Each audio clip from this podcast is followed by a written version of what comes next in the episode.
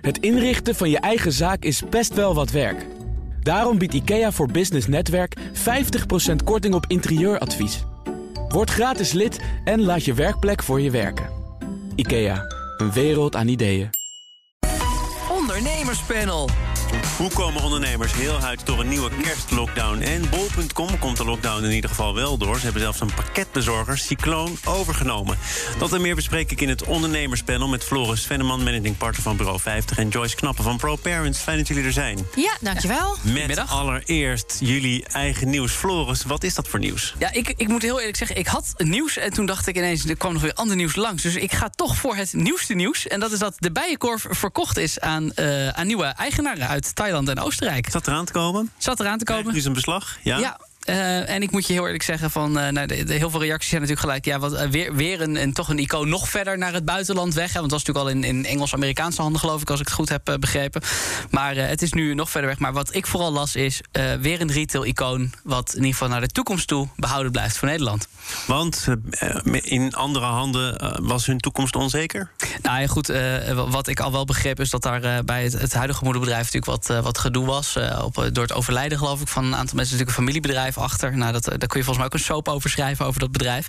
Uh, dus dat maakt het al wat onzeker. Nou goed, uh, we gaan het er volgens mij zo verder nog over hebben. Maar natuurlijk de impact van corona ook, ook voor Bijenkorf stevig. De afgelopen jaren heftige jaren geweest.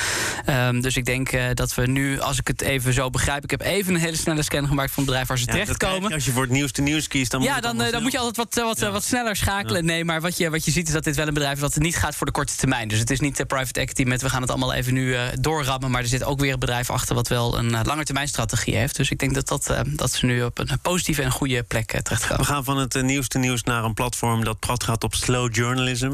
Daartoe zijn zij op aarde. Jawel. Slow journalism. Jawel, dat doet de correspondent. Oké. Okay. en daar heb jij een artikel gelezen. Ja, ik had een artikel gelezen. En uh, dat gaat, uh, is een achtergrondartikel met uh, Erik Gerritsen, de voormalige secretaris-generaal, die terugblikt op het jaar, op zijn carrière, waarin hij natuurlijk de SG van het ministerie van VWS was. En aan de uh, ja, begin stond van natuurlijk deze enorme crisis waar wij nu nog steeds uh, in zitten. En wat, wat ik er interessant aan vind, is dat hij uh, echt een reflectie heeft op zijn eigen handelen, het functioneren van het ministerie van VWS dat is intern gericht. Maar ook de dynamiek van het systeem. Hè. Dus de rol van de media die in een crisis uh, op het functioneren van politici en de Kamer, et cetera. Dus daar zitten ook heel veel uh, ja, zeg maar rituelen in hoe iedereen nou eenmaal met elkaar omgaat en elkaar behandelt. En uh, ik vind dat hij dat heel uh, ja, goed op reflecteert. Met inbegrip dat we natuurlijk.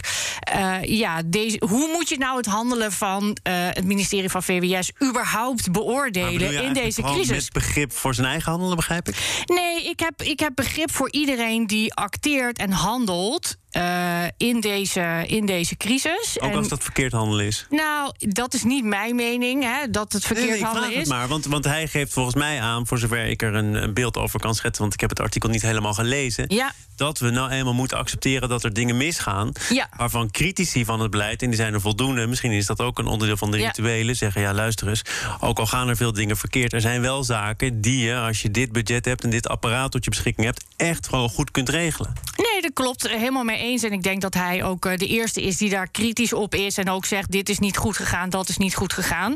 Maar ik denk dat hij wel een aantal belangrijke thema's aanhaalt. Namelijk uh, wat er veel gebeurt in een crisis. En dat is ook met oorlogen en met allerlei andere rampen. Is dat we met de kennis van nu het verleden en het handelen en het gedrag en de besluiten gaan beoordelen. Terwijl je eigenlijk zou moeten terugkijken van hoe is er op dat moment gehandeld. En dat er dus situaties zijn, en dan kom je ook op een stuk ja, vind ik, ethiek hè, van bestuurders en van politici en van uh, beslissers in, in dit land. Namelijk dat we het moeten hebben met kunnen we als samenleving accepteren dat we soms gewoon ongetemde problemen hebben. Hè. Zo, dit is bijvoorbeeld ook zo'n ongetemd probleem, wat permanent verandert van vorm en inhoud en de kennis daarover. Ik kan jouw medepanelist Ja. niet langer temmen. Oh. Helaas, hij heeft het namelijk helaas ook gelezen. Ja, Floris.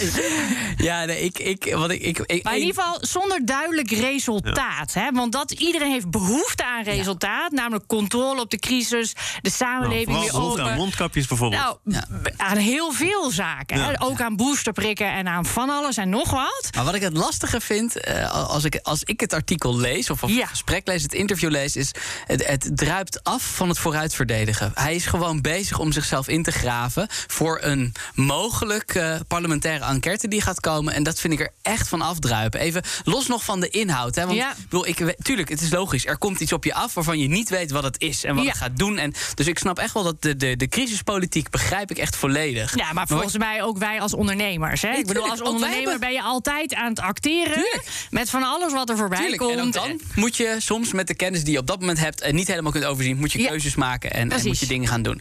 Maar wat ik, nou, wat ik zei, het, het voelt als vooruitverdedigen, dat is één. En twee, wat ik echt vind, en, en dat zegt hij vrij expliciet, en hij doet dat af als ja, maar, hm, hè, zo, ik zie het hem bijna zeggen. eh, dat ik denk, wacht even, als je als inkoop van dit soort eh, hulpmiddelen niet jouw primaire taak is. Ja. Dan moet je op dag 1 zeggen: inkoop kunnen wij niet als ministerie VWS. Het is weliswaar crisis, maar inkoop kunnen we niet. Wie? Want er zijn best wat grotere ministeries. Ik geloof dat Financiën daar ook wel iets mee doet met aanbesteding.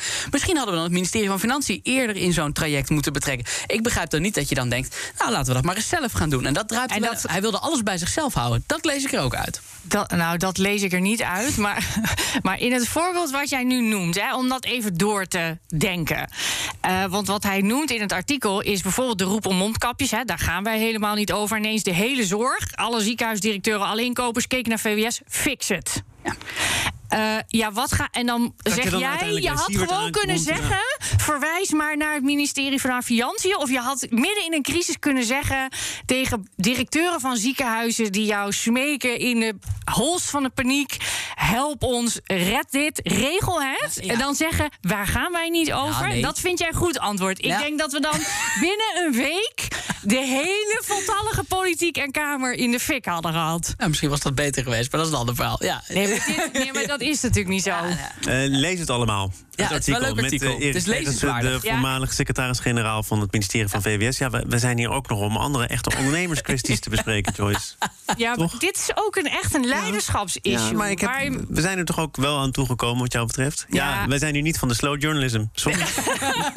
Moet gewoon even tempo gemaakt worden. Nou, want we blijven wel een beetje in de crisismodus hangen. Het ad hoc beleid van eh, deze coalitie, dit kabinet, zorgt er ook wel weer voor dat er eh, sprake is van een lockdown met alle gevolgen van dien. Met name voor ondernemers, eh horeca-ondernemers, detailhandel, allemaal dicht in een belangrijke periode eh, van het jaar. Ja. Ehm, was daar veel aan te doen geweest. Mark Rutte gaf eerder deze week in het Kamerdebat aan... dit was onvermijdelijk. Hoe snel we ook hadden geboosterd... welke voorzorgsmaatregelen we ook hadden getroffen.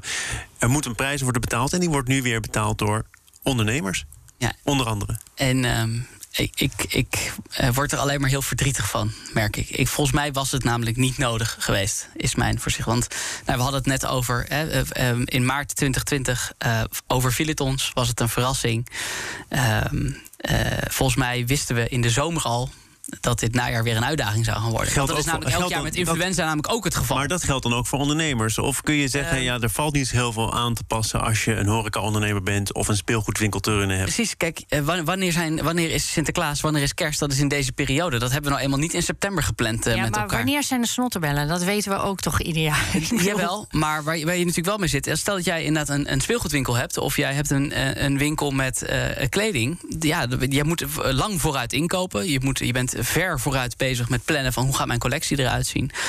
En eh, ja, ik denk, dan kun je volgens mij in zo'n geval als ondernemer... daar kun je je niet op voorbereiden... dat dan van de een op de andere dag een kabinet ineens... uit een soort van blinde paniek, die er volgens mij niet nodig was geweest... zegt, we gooien de stekker eruit. Het kabinet En- zegt nu wel, eh, de bestaande regelingen, NOW, TVL, die gaan we weer wat royaler toepassen.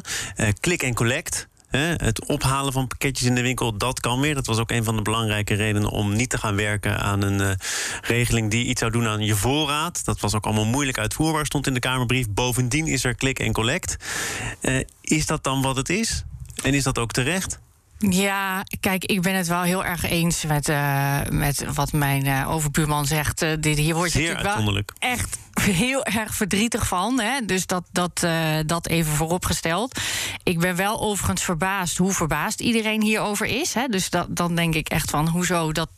Ja, ik had dat wel ingeschat dat, dat deze ja, maar goed, golf 6, 7, whatever. We, gaan, 19. we houden op een gegeven moment op met tellen. Hè? Dus dit, we zitten hierin. De, volgens mij is die conclusie wel echt al een hele tijd duidelijk. Ehm, ja, dat het moeilijk inkopen is en dat je nu, als je geen klik en collect hebt, echt niet van je kerstspullen afkomt en alle cadeautjes die je klaar had gezet voor kerst, eh, ja, dan. Maar klik en collect is natuurlijk ook niet zaligmakend. De- Ik denk dat dat zeker niet zaligmakend is. En, je, en ehm, ik hoop, hoop van de kerstspullen dat je die gewoon in opslag kan doen. En dat je die volgend jaar in de winkel weer kan zetten. Of dat je die kwijt Ja, kan. maar wat natuurlijk wel zuur online. is, ik vond een heel mooi voorbeeld. Ehm, ik, ik had toevallig mijn compagnon eh, daar straks nog even aan de telefoon. En die zei van, ja, ik heb afgelopen week, want zijn, zijn vrouw was jager. Dus ik ben met mijn, met mijn dochter naar, eh, ja, moest naar de winkel nog een cadeautje kopen. Dus waar ben ik naartoe gegaan? Ik ben naar de kruidvat gegaan.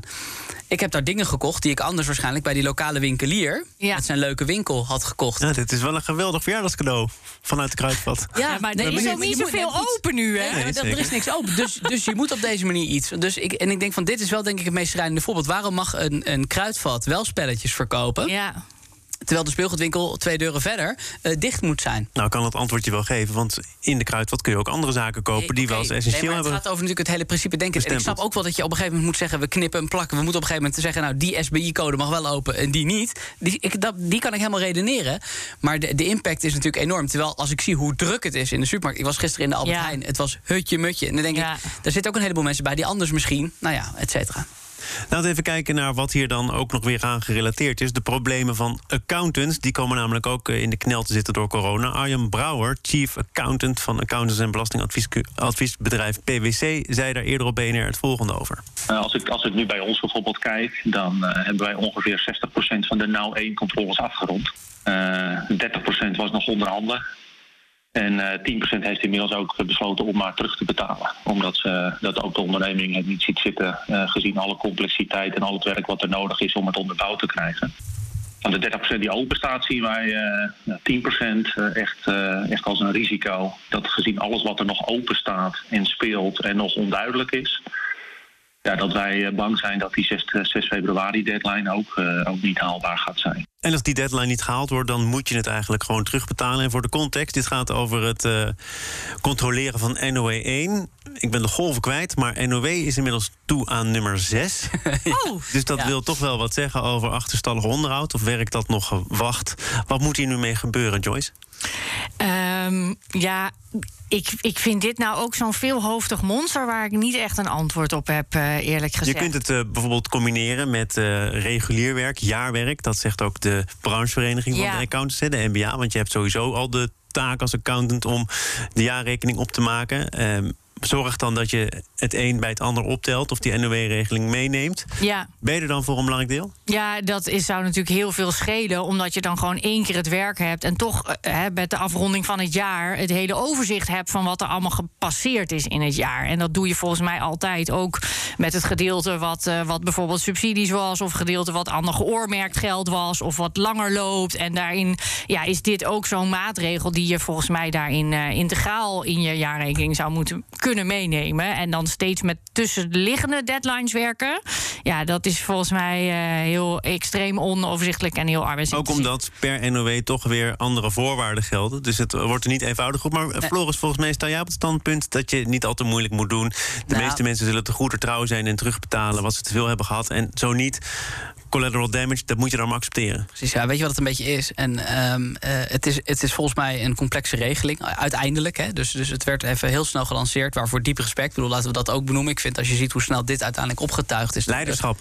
Enorm veel eh, leiderschap getoond op dat front. Maar nee, maar zonder grappen en gollen. Ik vind, ehm, als je hoort hoeveel ondernemers nu, nu weer aan het vechten zijn tegen de huidige shit, om het maar gewoon even Ja. zo te zeggen. In de tussentijd bezig zijn aan het ruzie maken met de accountant over. Ja, maar NOW. De vorige shit. En niet vergeten, het gaat nu over één. Maar twee zit natuurlijk vlak achteraan. Hè, dus die, die, die loopt ook nog.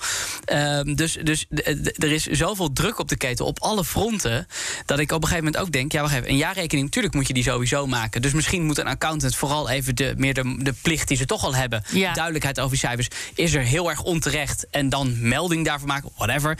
En zeg gewoon: joh, we laten het zo. Iedereen die geld heeft gekregen, heeft het gekregen. Hou het. eh, we gaan ervan uit. Tuurlijk zullen er mensen tussen zitten, geloof ik ook wel, die het onterecht hebben aangevraagd, te veel hebben aangevraagd. Ehm, Misschien sommige partijen die zichzelf tekort hebben gedaan, die te weinig hebben gekregen. Want die hoor je nu ook af en toe Ja. opkomen. Dan denk je, ja, dat had je het eerder moeten aanvragen. Ehm, maar zet er gewoon een streep onder. Eh, Ik zet er inderdaad een streep onder. We komen nog bij die accountant terug, maar eerst een uitstapje naar bol.com. BNR Nieuwsradio. Zaken doen. Thomas van Zeil. De gast is het ondernemerspanel Floris Venneman en Joyce Knappen. Fietsbezorger, fietscouriersdienst Cycloon is overgenomen door Bol.com. En afgelopen dinsdag sprak ik erover met Vincent Weijers... directeur logistiek en operatie van Bol.com... die daar het volgende over zei. Nou, wij, uh, wij hebben onszelf de doelstelling gesteld... om in 2025 de uitstoot per pakket terug te brengen naar 0 gram CO2. En uh, nou ja, dat, is, dat vereist gewoon dat we moeten versnellen op het gebied van duurzaamheid. Ja, en fietscouriers uh, zijn natuurlijk een fantastische oplossing daarvoor. Joyce, denk jij dat inderdaad die duurzaamheid hier het leidmotief is? Of speelt ook mee dat ook Bol.com toch een keer zijn eigen bezorgdienst zal willen hebben? Ik ben heel erg blij überhaupt. Ze was net aan het opschrijven wat hun doelstelling is in 2025. En dat ze dus überhaupt hier een doelstelling op hebben gezet en naar buiten communiceren. En dat ze daar dus ook op investeren. Vind je dat opvallend? Dat een groot bedrijf als Bol.com toch ergens in de nabije toekomst wel rekening houdt met uh, nou, duurzaamheid ik, en ambities? Ik hoop altijd dat iedereen dat doet en doelstellingen opneemt en ze ook najaagt en ook budgetten eraan koppelt om te monitoren of ze die doelstellingen ook halen en daar ook daadwerkelijk naar handelen. Dus ja, dit is wel uh, heel erg concreet en dat ze die stap maken. Sowieso snap ik ook qua bedrijfsvoering dat je eigenlijk gewoon je hele keten wil kunnen beïnvloeden. Hè. Dat geeft schaalvoordeel. En als je dan toch die ambitie hebt om circulair en duurzaam en om dat goed in de vingers te hebben, ja, dat je dan dat soort partijen aan je bindt. En met deze reden, ja, ik zou. Bol.com is trouwens wel zo groot dat ze zelfs enige druk kunnen uitoefenen op PostNL. Hè. Als je kijkt naar het uh, grote kantoren, distributiecentrum van Bol.com, dan is er een speciale verdieping voor PostNL. Dus ja. dat zijn dan wel gescheiden bedrijven, maar ze hebben toch op de een of andere manier ook wel het een en ander ja, met nou, elkaar te maken. Hartstikke mooi. Je zegt tegen PostNL, als je met ons zaken wil doen, ga je ook verduurzamen, ga je ook fietscourier inzetten? Ga je ook elektrische meer je wagenpark uitbreiden en ombouwen naar elektrische auto's? Dit is een gezamenlijke ambitie. Volgens mij is dat alleen maar heel goed uh, als de grote jongens dat ook met hun ketenpartners uh, opzetten. Ja. Floris, laten we het wel hebben over die grote jongens. Want Bol.com is zo'n grote jongen en Cycloon is echt nog wel een tamelijk klein bedrijf... waar Bol.com kennelijk zijn oog op heeft laten vallen. Uh, Vincent Weijers zei in het FD nog ja, dat het inderdaad een relatief klein bedrijf is... en ook dat ze niet te hard van stapel kunnen lopen. Wij bezorgen zoveel pakketten dat we hele bezorgnetwerken om zouden kunnen duwen. En dat willen we natuurlijk niet.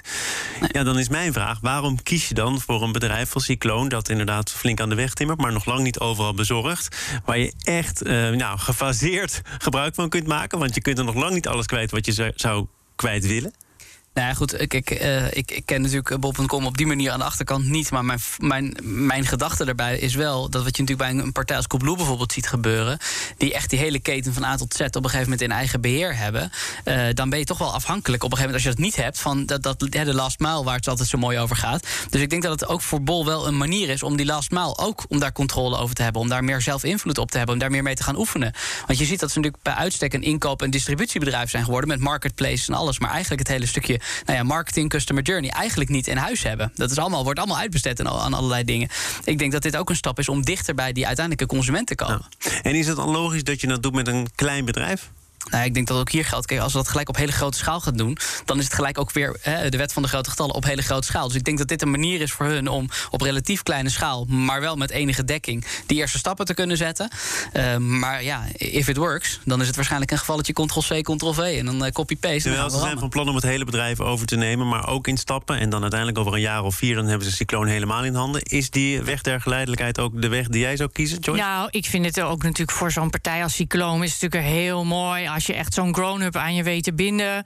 Uh, die ook met jou mee die groeistappen kan gaan maken. Met het perspectief dat daar een overname of een echt een, uh, een, een samenvloeisel in de toekomst ligt. Ja, als je dan uh, dat helemaal op eigen kracht moet ontwikkelen.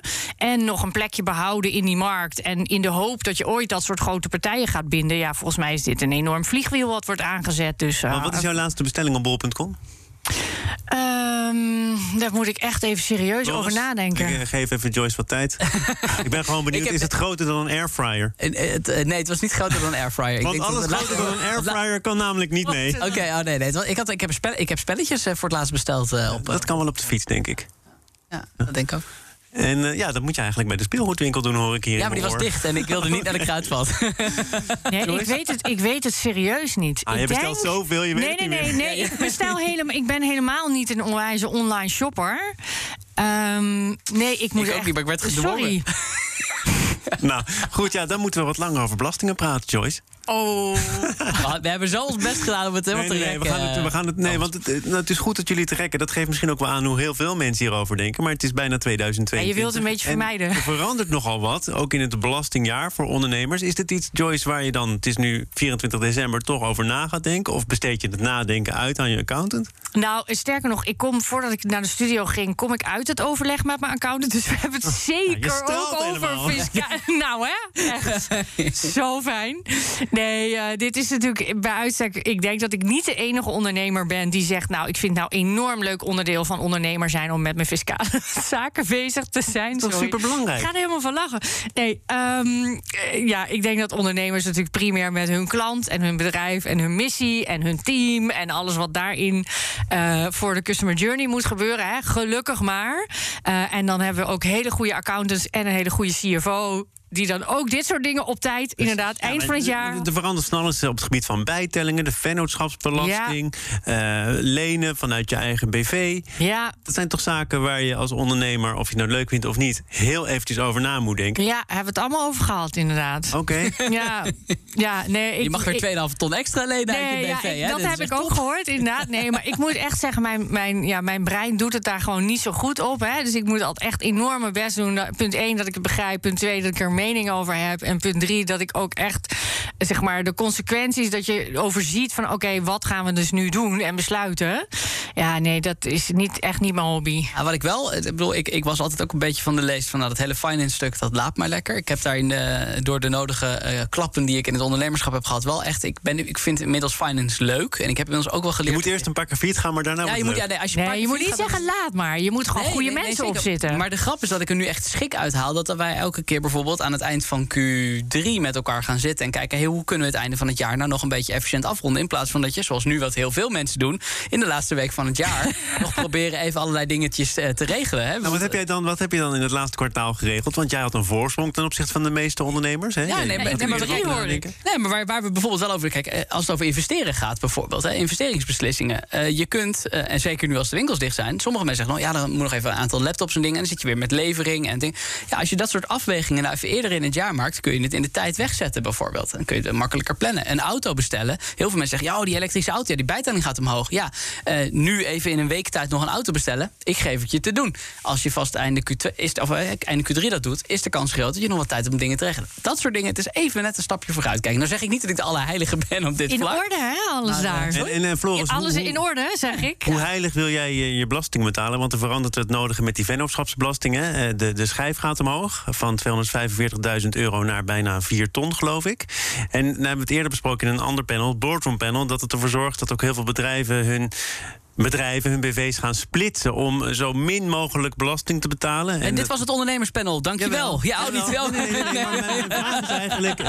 Want hier is voor gewaarschuwd, hè? Dus je maakt iets mogelijk, ook voor MKB'ers. Daarom kom ik op in het ondernemerspanel. Ondernemers meer ruimte bieden. En wat ze gaan doen is hun bedrijven splitsen... om zo min Ja. mogelijk Tuurlijk. belasting te betalen. Ja, tuurlijk. Tuurlijk, is toch meer dan logisch. Weet je, ik vind, ehm, je moet, het, is, het is een eer om belasting te mogen betalen, dat vind ik echt. Maar wel zo min mogelijk. Nee, nee, maar zo efficiënt mogelijk. En ik vind inderdaad... Je, Efficiënt belasting betalen. nee, wat je soms in groepen en holdings, en ik bedoel, wij hebben het ook. De ene BV, eh, eh, er gaat gewoon meer geld doorheen, wordt meer winst gemaakt. Andere BV is wat kleiner of maakt zelfs een klein beetje Ik verlies. moet, ik, moet, ik moet eigenlijk stoppen, maar toch nog even om het concreet te maken. Een ondernemer die een winst behaalt van 790.000 euro... en één aangifte doet, betaalt daar 161.000 euro belasting over. Als die ondernemer een extra BV opricht en die winst verdeelt... betaalt hij 118.000 euro belasting. Ja, Dat is efficiënt belasting betalen. dat is efficiënt belasting betalen. Joyce? Ja, en mee eens.